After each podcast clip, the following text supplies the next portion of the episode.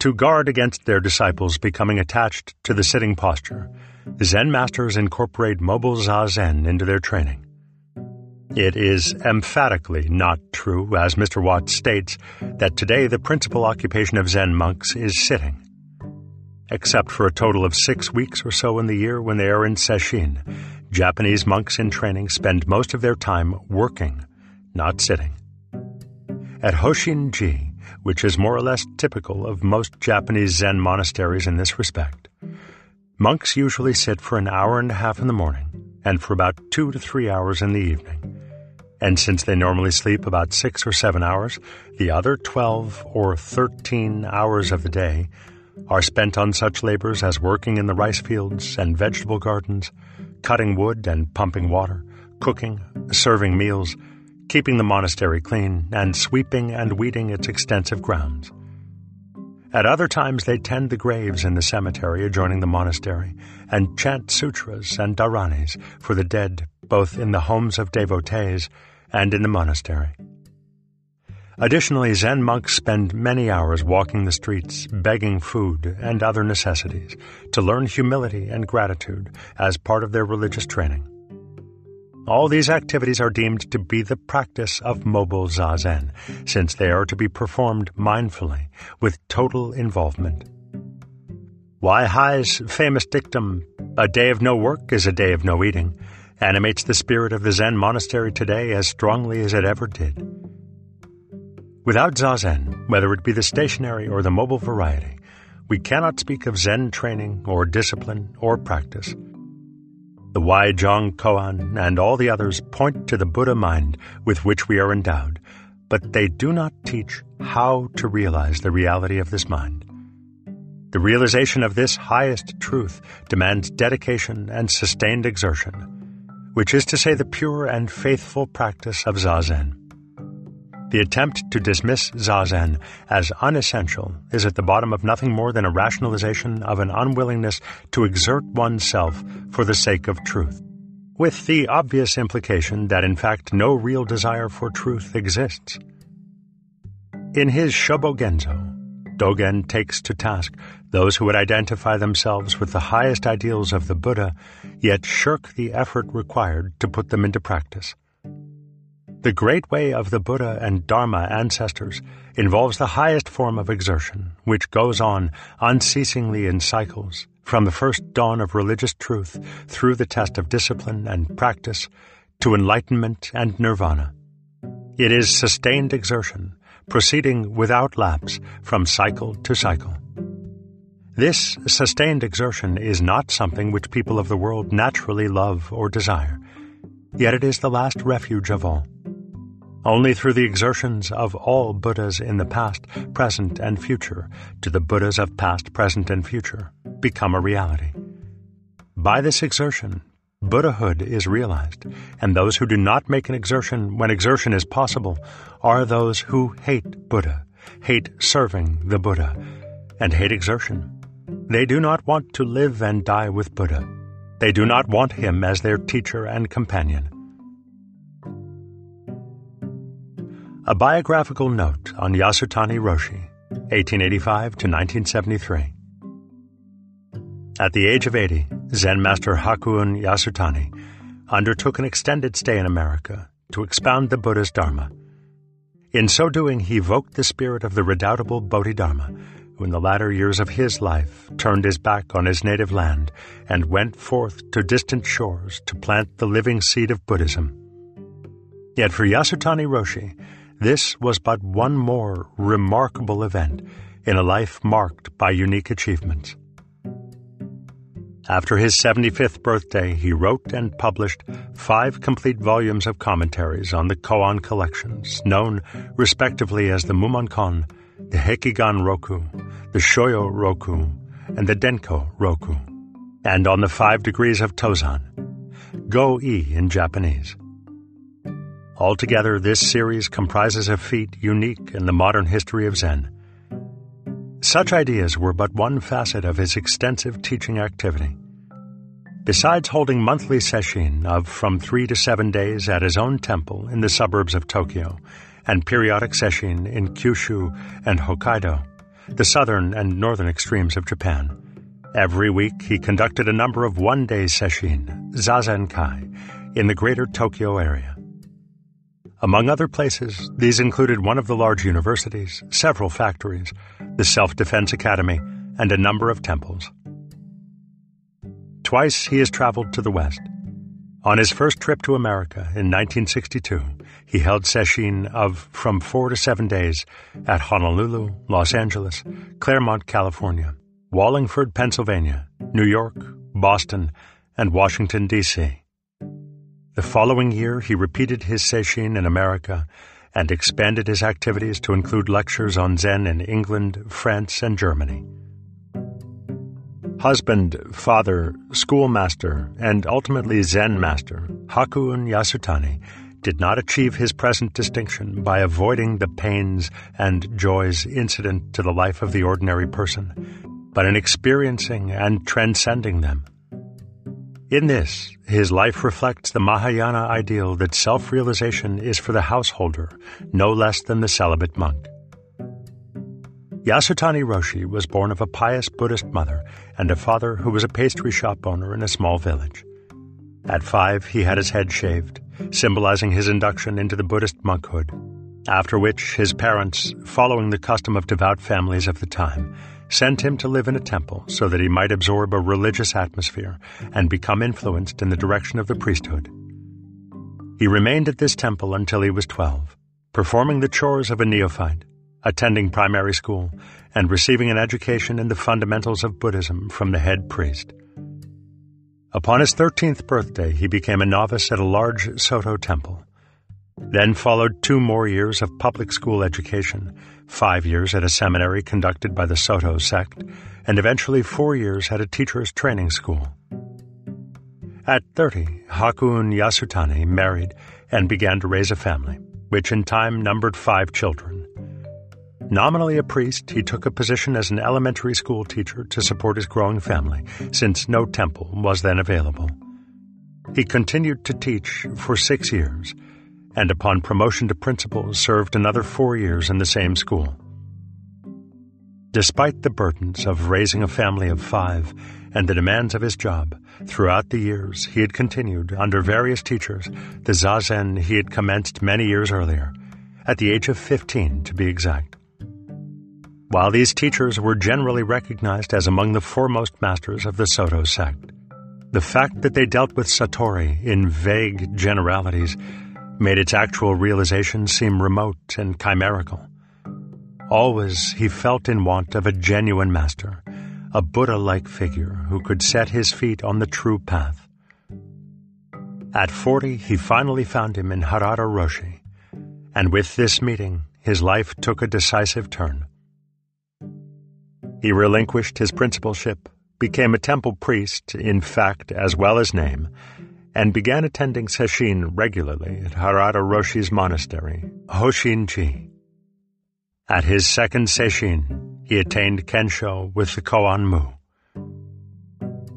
Yasutani Roshi was 58 when Harada Roshi gave him his seal of approval, Inka Shomei, and named him a Dharma successor. This signal honor implied that his spiritual insight was deep and his capacity to teach proven. Like his modest temple, Yasutani Roshi was simple and unaffected. His two meals a day included neither meat, fish, eggs, nor alcohol. He could often be observed trotting about Tokyo in a tattered robe and a pair of sneakers on his way to a zazen meeting, his lecture books in a bag slung over his back, or standing in the crowded second-class interurban trains. In his utter simplicity, his indifference to finery, wealth, and fame, he walked in the footsteps of a long line of distinguished Zen masters. The Lectures 1. Theory and Practice of Zazen What I am about to tell you is based upon the teachings of my revered teacher, Daiun Harada Roshi. Although he himself was of the Soto sect, he was unable to find a truly accomplished master in that sect, and so went to train first at Shogenji and then Nanzenji, two Rinzai monasteries. At Nanzenji, he eventually grasped the inmost secret of Zen under the guidance of Dokutan Roshi, an outstanding master. While it is undeniably true that one must undergo Zen training himself in order to comprehend the truth of Zen, Harada Roshi felt that the modern mind is so much more aware that for beginners, lectures of this type could be meaningful as a preliminary to practice. He combined the best of each sect and established a unique method of teaching Zen. Nowhere in Japan will you find Zen teaching set forth so thoroughly and succinctly so well suited to the temper of the modern mind, as at his monastery. Having been his disciple for some twenty years, I was enabled, thanks to his favor, to open my mind's eye in some measure. Before commencing his lectures, Harada Roshi would preface them with advice on listening. His first point was that everyone should listen with their eyes open and upon him. In other words, with their whole being because an impression received only through the hearing is rather shallow, akin to listening to the radio. His second point was that each person should listen to these lectures as though they were being given to oneself alone, as ideally they should be. Human nature is such that if two people listen, each feels only half responsible for understanding, and if ten people are listening, each feels one's own responsibility to be but one tenth. However, since there are so many of you, and what I have to say is exactly the same for everybody, I have asked you to come as a group. You must nonetheless listen as though you were entirely alone and hold yourselves accountable for everything that is said. This discourse is divided into 12 parts, which will be covered in some eight lecture sessions. The first involves the rationale of Zazen and direct methods of practice. The next, special precautions, and the following lectures the particular problems arising from Zazen, together with their solution. In point of fact, a knowledge of the theory or principles of Zazen is not a prerequisite to practice. Students who train under an accomplished teacher will inevitably grasp this theory by degrees as their practice ripens. Modern students, however, being intellectually more sophisticated than their predecessors in Zen, will not follow instructions unreservedly. They must first know the reasons behind them. Therefore, I feel obligated to deal with theoretical matters. The difficulty with theory, however, is that it is endless. Buddhist scriptures, Buddhist doctrine, and Buddhist philosophy are no more than intellectual formulations of Zazen, and Zazen itself is their practical demonstration. From this vast field, I will now abstract what is most essential for your practice. We start with Buddha Shakyamuni. As I think you know, he began with the path of asceticism, undergoing tortures and austerities which others before him had never attempted, including prolonged fasting. But he failed to attain enlightenment by these means and half dead from hunger and exhaustion, came to realize the futility of pursuing a course which could only terminate in death. So he drank the milk rice that was offered him by a concerned country girl, gradually regained his health, and resolved to steer a middle course between self torture and self indulgence.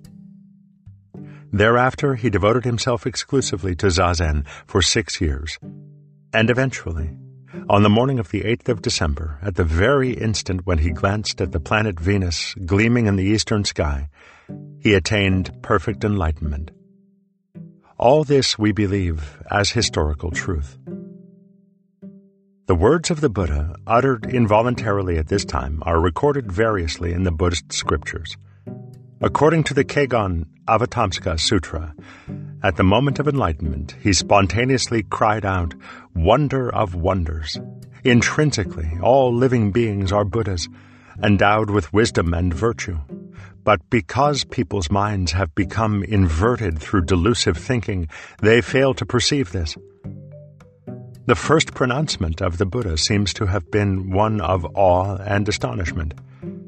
Yes, how truly marvelous that all human beings, whether clever or stupid, male or female, ugly or beautiful, are whole and complete just as they are. That is to say, The nature of every being is inherently without a flaw, perfect, no different from that of Amida or any other Buddha. This first declaration of Shakyamuni Buddha is also the ultimate conclusion of Buddhism. Yet human beings, restless and anxious, live half crazed existences because their minds, heavily encrusted with delusion, are turned topsy turvy. We need therefore to return to our original perfection, to see through the false image of ourselves as incomplete and sinful, and to wake up to our inherent purity and wholeness. The most effective means by which to accomplish this is through Zazen. Not only Shakyamuni Buddha himself, but many of his disciples attained full awakening through Zazen. Moreover, during the 2500 years since Buddha's death, Innumerable devotees in India, China, and Japan have, by grasping this self-same key, resolved for themselves the most fundamental question of all. What is the meaning of life and death? Even in this day, there are many who, having cast off worry and anxiety, have emancipated themselves through Zazen. Between a supremely perfected Buddha and us, who are ordinary, there is no difference as to substance. This substance can be likened to water. One of the salient characteristics of water is its conformability. When put into a round vessel, it becomes round. When put into a square vessel, it becomes square. We have this same adaptability, but as we live bound and fettered through ignorance of our true nature, we have forfeited this freedom. To pursue the metaphor, we can say that the mind of a Buddha is like water that is calm, deep, and crystal clear, and upon which the moon of truth reflects fully and perfectly. The mind of the ordinary person, on the other hand, is like murky water, constantly being churned by the gales of delusive thought and no longer able to reflect the moon of truth. The moon, nonetheless, shines steadily upon the waves, but as the waters are roiled, we are unable to experience its reflection. Thus, we lead lives that are frustrating and meaningless. How can we fully illumine our life and personality with the moon of truth? We need to purify this water, to calm the surging waves by halting the winds of discursive thought. In other words, we must empty our minds of what the Kegon Avatamsaka Sutra calls the conceptual thought of the human being. Most people place a high value on abstract thought, but Buddhism has clearly demonstrated that discriminative thinking lies at the root of delusion. I once heard someone say, thought is the sickness of the human mind. From the Buddhist point of view, this is quite true. To be sure, abstract thinking is useful when wisely employed, which is to say, when its nature and limitations are properly understood, but as long as human beings remain slaves to their intellect, fettered and controlled by it, they can well be called sick. All thoughts, whether ennobling or debasing, are mutable and impermanent. They have a beginning and an end, even as they are fleetingly with us. And this is true of the thought of an era as of an individual. In Buddhism, thought is referred to as the stream of life and death. It is important in this connection to distinguish the role of transitory thoughts from that of fixed concepts. Random ideas are relatively innocuous, but ideologies, beliefs, opinions, and points of view, not to mention the factual knowledge accumulated since birth, to which we attach ourselves, are the shadows which obscure the light of truth. So long as the winds of thought continue to disturb the water of our self nature, we cannot distinguish truth from untruth. It is imperative, therefore, that these winds be stilled.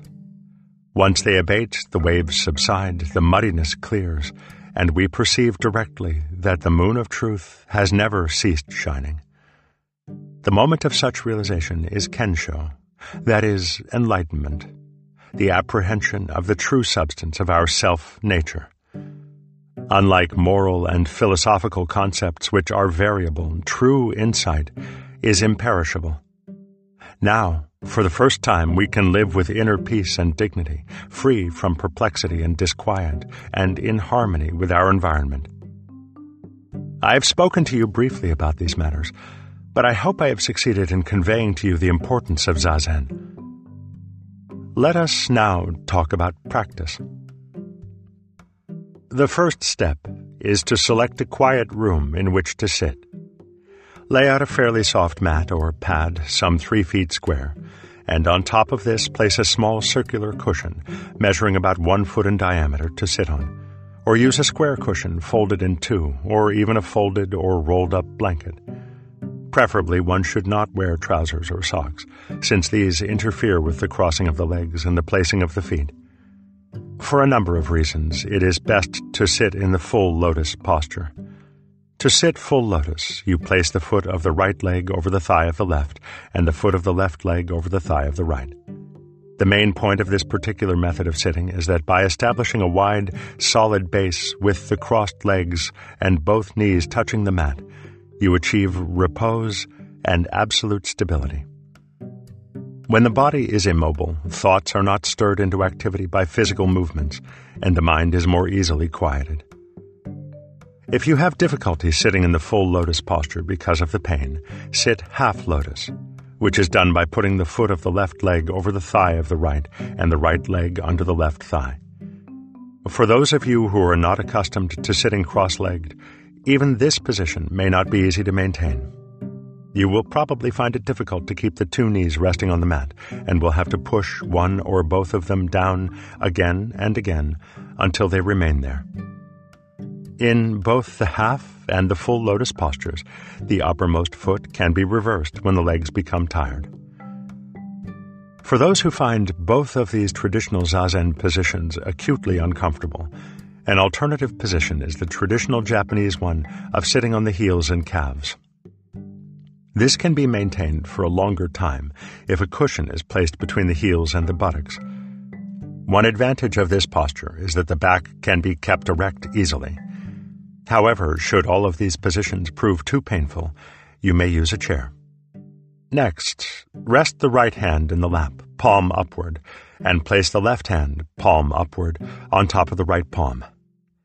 Lightly touch the tips of the thumbs to each other so that a flattened circle is formed by the palms and thumbs.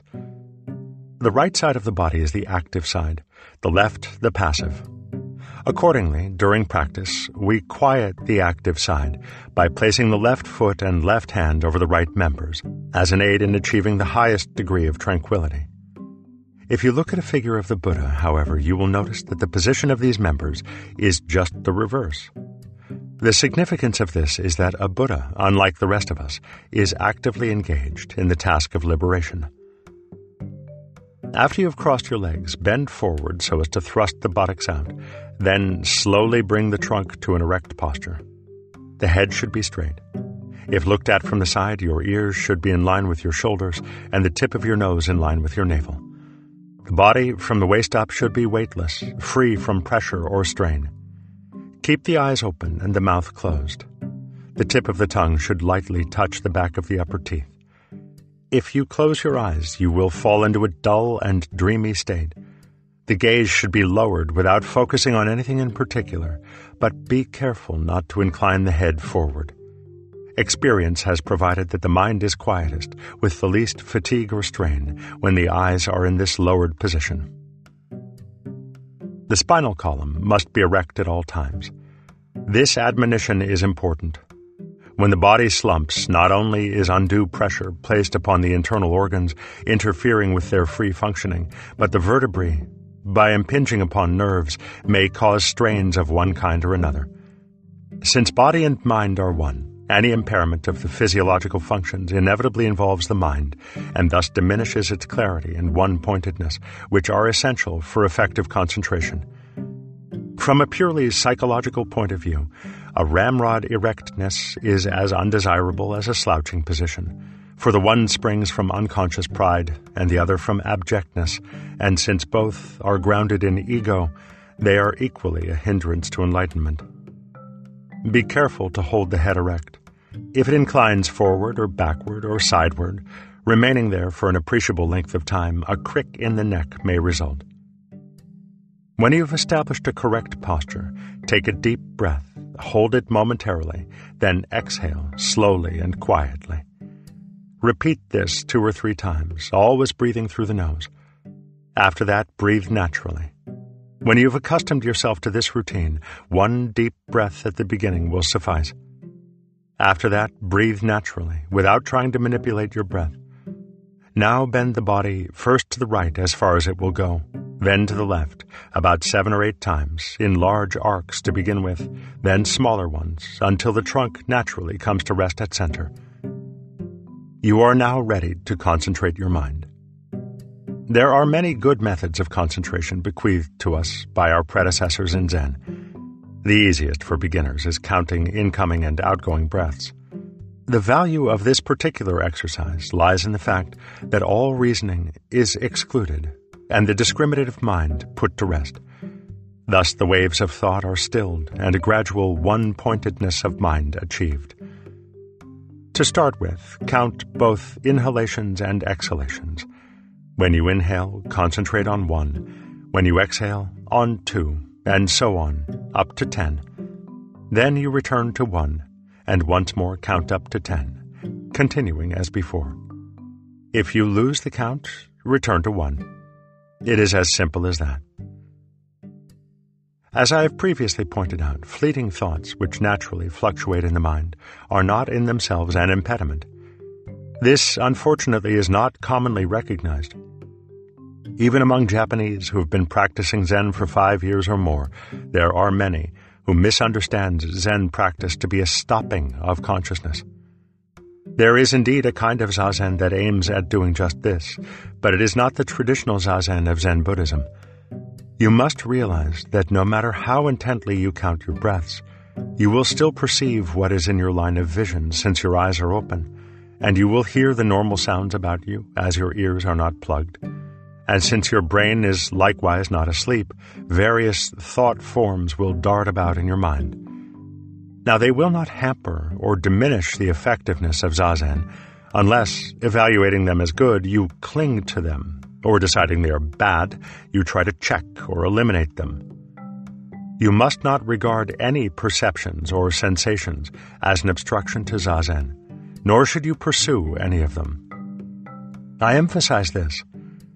Pursuit simply means that in the act of seeing, your gaze lingers on objects. In the course of hearing, your attention dwells on sounds. And in the process of thinking, your mind adheres to ideas. If you allow yourself to be distracted in such ways, your concentration on the counting of your breaths will be impeded. To recapitulate, let random thoughts arise and vanish as they will. Do not dally with them and do not try to expel them, but merely concentrate all your energy on counting the inhalations and exhalations of your breath.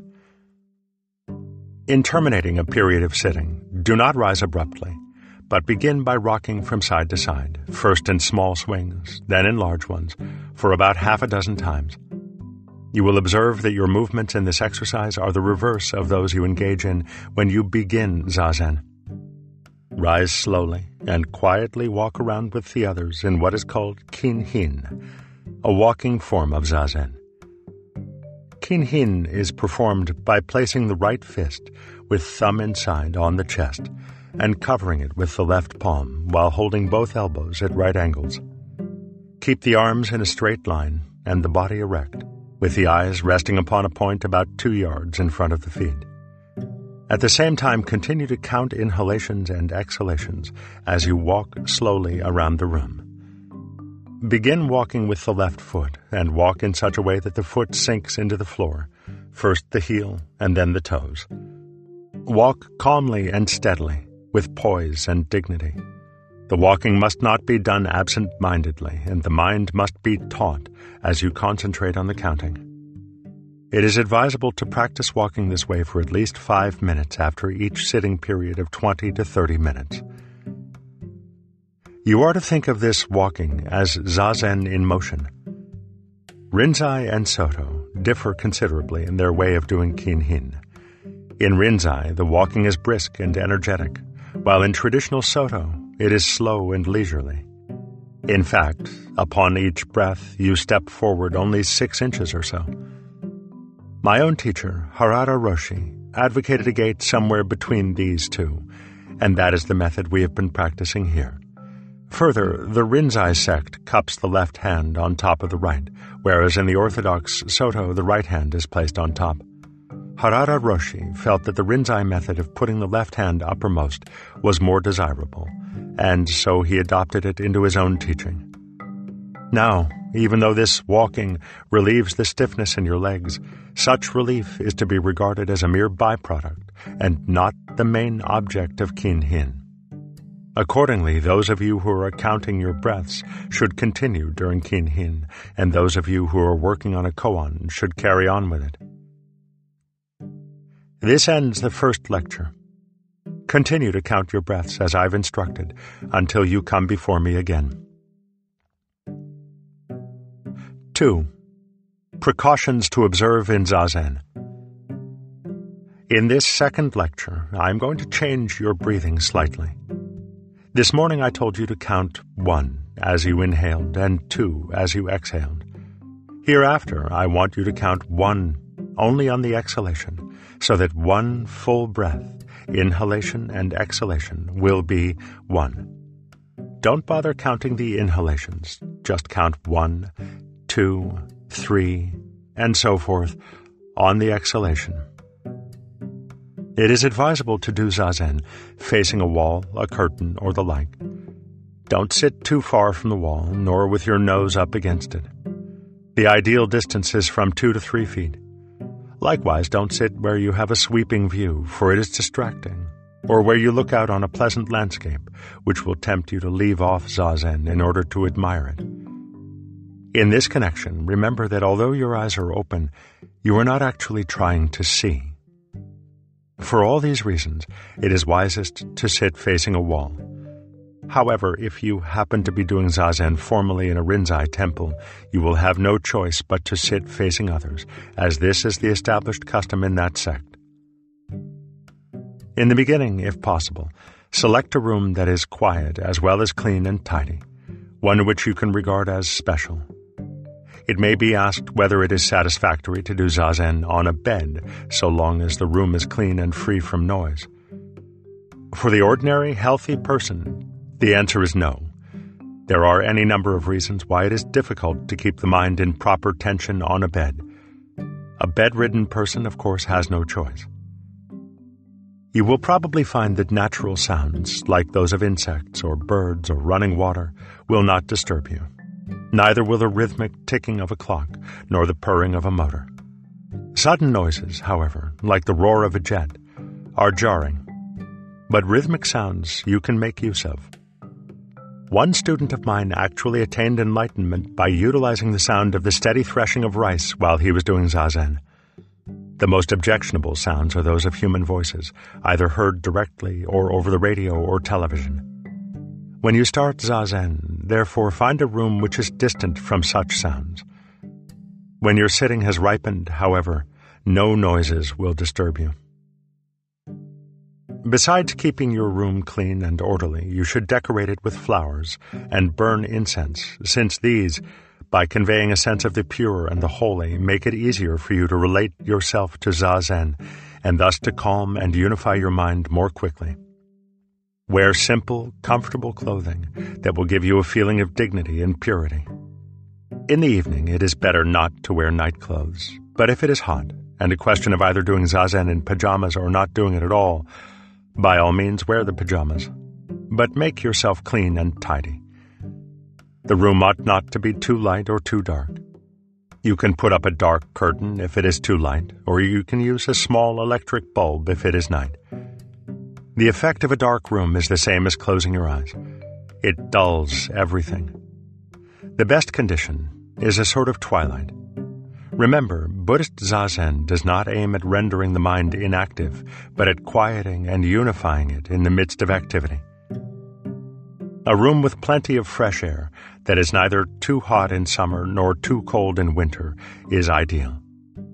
Punishing the body is not the purpose of zazen, so it is unnecessary to struggle with the extremes of heat or cold.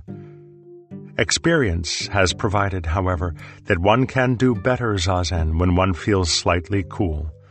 Too hot a room tends to make one sleepy. As your ardor for zazen deepens, you will naturally become unconcerned about cold or heat. Nevertheless, it is wise to take care of your health.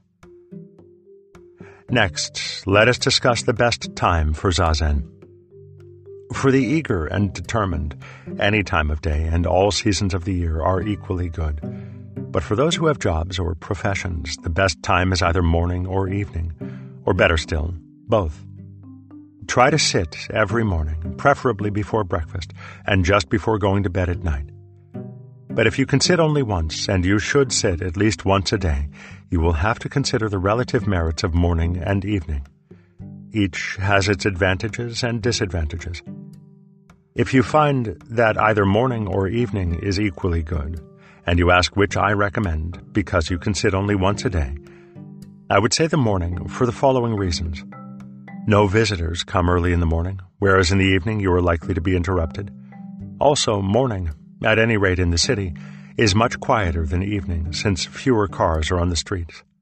Furthermore, because in the morning you are rested and somewhat hungry, you are in good condition for zazen, whereas in the evening, when you are tired and have had your meal, you are likely to be duller. Since it is difficult to do zazen on a full stomach, it is better not to sit immediately after a meal when you are a beginner. Before a meal, however, zazen can be practiced to good advantage. As your zeal grows, it won't matter when you sit, before, after, or during a meal. How long should you do zazen at one sitting? There is no general rule, for it varies according to the degree of one's eagerness, as well as the maturity of one's practice. For novices, a shorter time is better.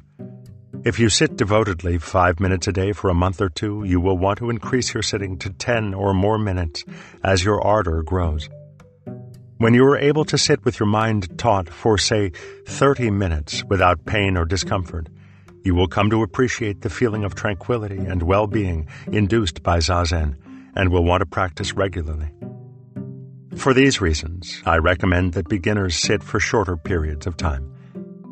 On the other hand, should you force yourself from the beginning to sit for longer periods, the pain in your legs may well become unbearable before you acquire a calm mind.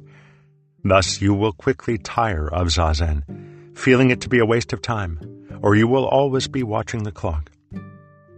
In the end, you will come to dislike zazen and stop sitting altogether. This is what frequently happens. Now, even though you sit for only 10 minutes or so each day, you can compensate for this briefness by concentrating intensely on the counting of each breath, thus increasing its effectiveness. You must not count absent mindedly or mechanically, as though it were a duty. In spite of your being able to sit for an hour or more with a feeling of exquisite serenity, it is wise to limit your sitting to periods of about 30 or 40 minutes each. Ordinarily, it is not advisable to do zazen longer than this at one sitting, since the mind cannot sustain its vigor and tautness, and the value of the sitting decreases.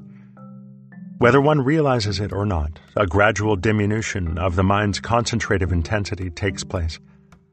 For this reason, it is better to alternate a 30 or 40 minute period of sitting with a round of walking zazen.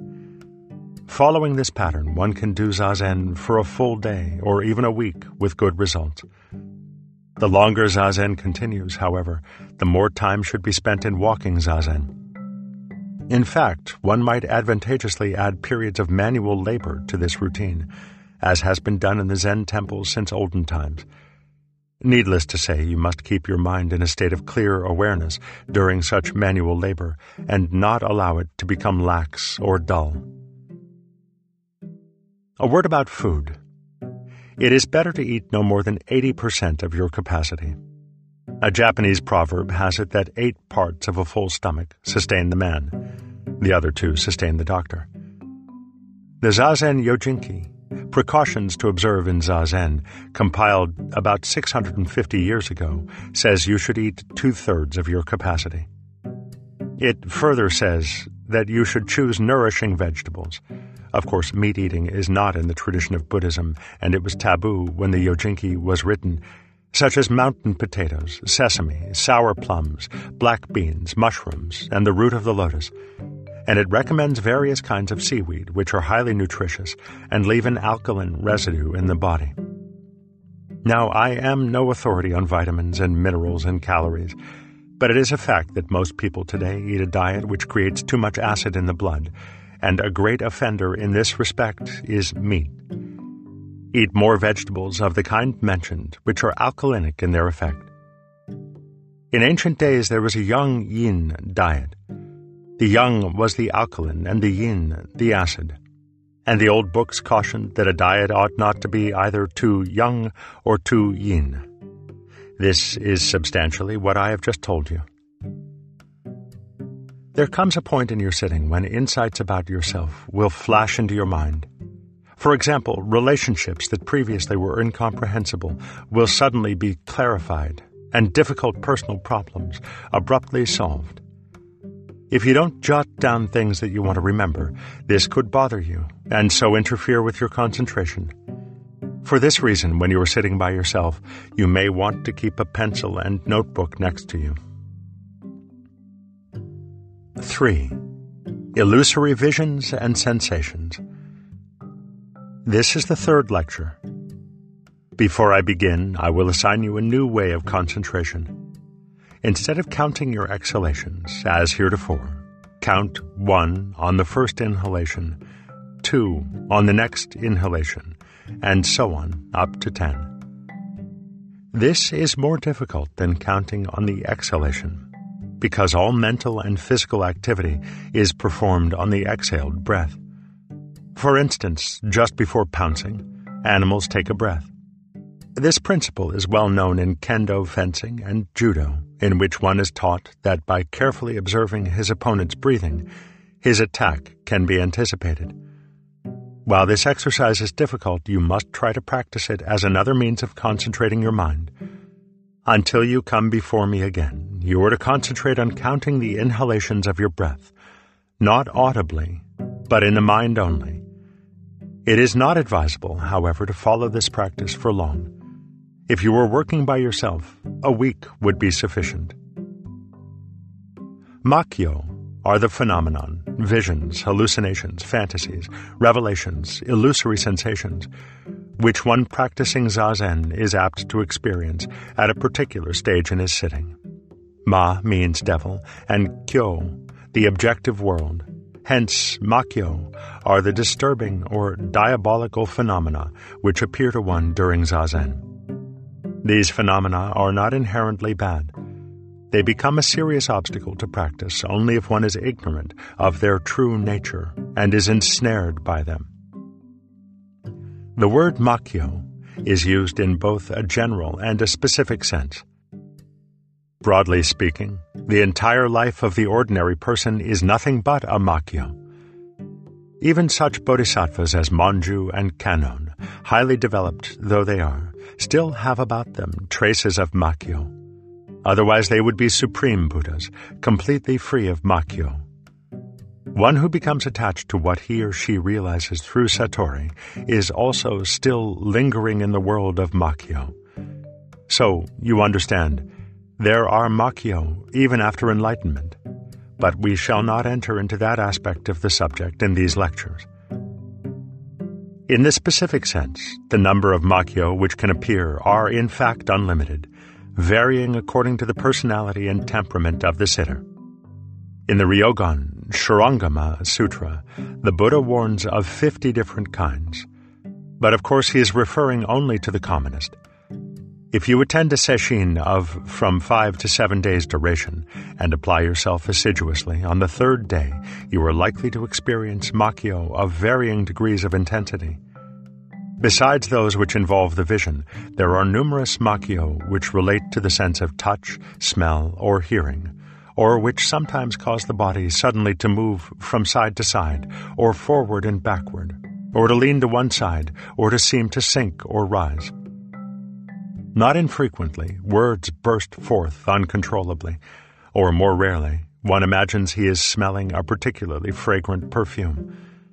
There are even cases where, without conscious awareness, one writes down things which turn out to be prophetically true. Very common are visual hallucinations. You are doing zazen with your eyes open when suddenly the ridges of the straw matting in front of you seem to be heaving up and down like waves. Or without warning, everything may go white before your eyes, or black. A knot in the wood of a door may suddenly appear as a beast or demon or angel. One disciple of mine often used to see visions of masks, demons' masks or jesters' masks. I asked him whether he ever had any particular experience of masks, and it turned out that he had seen them at a festival in Kyushu when he was a child. Another man I knew was extremely troubled in his practice by visions of Buddha and his disciples walking around him reciting sutras, and was only able to dispel the hallucination by jumping into a tank of ice cold water for two or three minutes. Many makyo involve the hearing. One may hear the sound of a piano or loud noises, such as an explosion, which is heard by no one else, and actually jump. One disciple of mine always used to hear the sound of a bamboo flute while doing zazen. He had learned to play the bamboo flute many years before, but had long since given it up. Yet always the sound came to him when he was sitting. In the Zazen Yojinki, we find the following about Makyo. The body may feel hot or cold or glass-like or hard or heavy or light. This happens because the breath is not well harmonized with the mind and needs to be carefully regulated. And then it goes on to say, one may experience the sensation of sinking or floating or may alternately feel hazy and sharply alert. The disciple may develop the faculty of seeing through solid objects as though they were transparent, or he may experience his own body as a translucent substance. He may see Buddhas and Bodhisattvas. Penetrating insights may suddenly come to him, or passages of sutras which were particularly difficult to understand may suddenly become luminously clear to him. All these abnormal visions and sensations are merely the symptoms of an impairment arising from a maladjustment of the mind with the breath.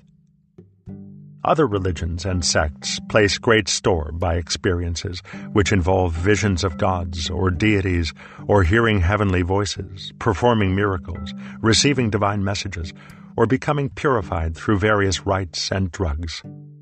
In the Nichiren sect, for example, devotees loudly and repeatedly invoke the name of the Lotus Sutra to the accompaniment of vigorous body movements and feel they have thereby purged themselves of their defilements.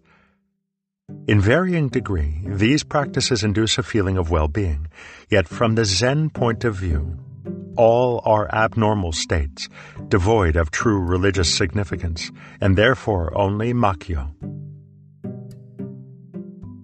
What is the essential nature of these disturbing phenomena we call makyo? They are temporary mental states which arise during zazen when our ability to concentrate has developed to a certain point and our practice is beginning to ripen. When the thought waves that wax and wane on the surface of the mind are partially calmed, residual elements of past experiences, lodged in the deeper levels of consciousness, bob up sporadically to the surface of the mind conveying the feeling of a greater or expanded reality. Makyo, accordingly, are a mixture of the real and the unreal, not unlike ordinary dreams. Just as dreams are usually not remembered by a person in deep sleep, but only when one is half asleep and half awake, so Makyo do not come to those in deep concentration or samadhi.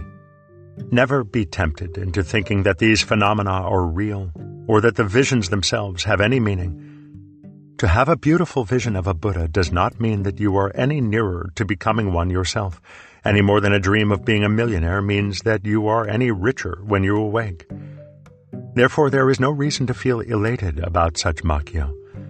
And similarly, whatever horrible monsters may appear to you, there is no cause whatever for alarm. Above all, do not allow yourself to be enticed by visions of the Buddha or of gods blessing you or communicating a divine message or by makyo involving prophecies which turn out to be true. This is to squander your energies in the foolish pursuit of the inconsequential. But such visions are certainly a sign that you are at a crucial point in your sitting, and that if you exert yourself to the utmost, you can surely experience Kensho. Tradition states that even Shakyamuni Buddha, just before his own awakening, experienced innumerable Makyo, which he termed obstructing devils. Whenever Makyo appear, simply ignore them and continue sitting wholeheartedly. 4. The Five Varieties of Zen. I shall now enumerate the different kinds of Zen. Unless you learn to distinguish between them, you are likely to err on decisive points, such as whether or not Satori is indispensable in Zen, whether Zen involves the complete absence of discursive thought, and the like. The truth is that among the many types of Zen, there are some which are profound and some shallow, some that lead to enlightenment and some that do not. It is said that during the time of the Buddha there were 90 or 95 schools of philosophy or religion in existence. Each school had its particular of Zen, and each was slightly different from the others. All great religions embrace some measure of Zen, since religion needs prayer, and prayer needs concentration of mind. The teachings of Confucius and Mencius, of Lao Tzu and Chuang Tzu, all have their own elements of Zen. Indeed, Zen is spread over many different activities of life, such as the tea ceremony, no, kendo, judo.